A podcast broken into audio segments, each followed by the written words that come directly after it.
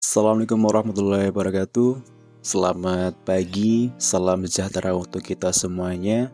Semoga kita selalu dalam keadaan yang sehat dan juga selalu semangat. Baik, untuk kesempatan kali ini saya akan mengucapkan terima kasih kepada anak-anak yang sudah naik ke kelas 8 dan saya juga mengucapkan selamat datang di kelas 8 terutama di kelas 8 E. Nah, di kelas 8E ini ternyata wali kelasnya adalah saya. Nah, mungkin ada beberapa yang sudah kenal dengan saya atau mungkin ada beberapa anak yang belum mengenal dengan saya. Nah, pada kesempatan kali ini saya akan memperkenalkan diri.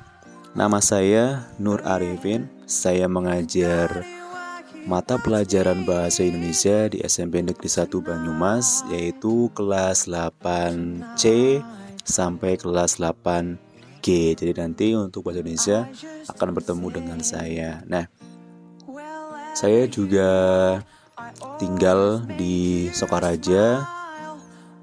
Kalau mungkin ada yang tahu bisa mampir atau mungkin main ke rumah saya, tapi saya usahakan saya pergi kalau kalian mampir. Saya lahir di Banyumas pada tanggal 17 April 1900 1996 Jadi sekarang umur saya adalah 25 tahun. Wah masih tua ya.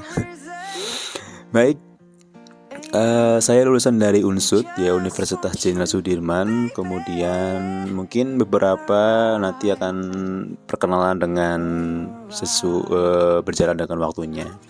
Oke pada kesempatan kali ini ya uh, mungkin perkenalannya sudah cukup. Kemudian pada kesempatan kali ini saya akan memberikan beberapa informasi keterkaitan proses pembelajaran di dalam kelas 8. Nah, untuk mengawalinya, sebaiknya kita harus mempunyai yang namanya struktur organisasi kelas ya walaupun untuk tahun pelajaran ini kemungkinan masih dalam keadaan yang daring atau mungkin online jadi saya harapkan nanti silahkan untuk membuat struktur organisasi baik itu ketua, wakil ketua, bendahara dan juga sekretaris. Nah, Apabila ada yang mengajukan sebagai ketua kelas, silakan dituliskan saja mengajukannya.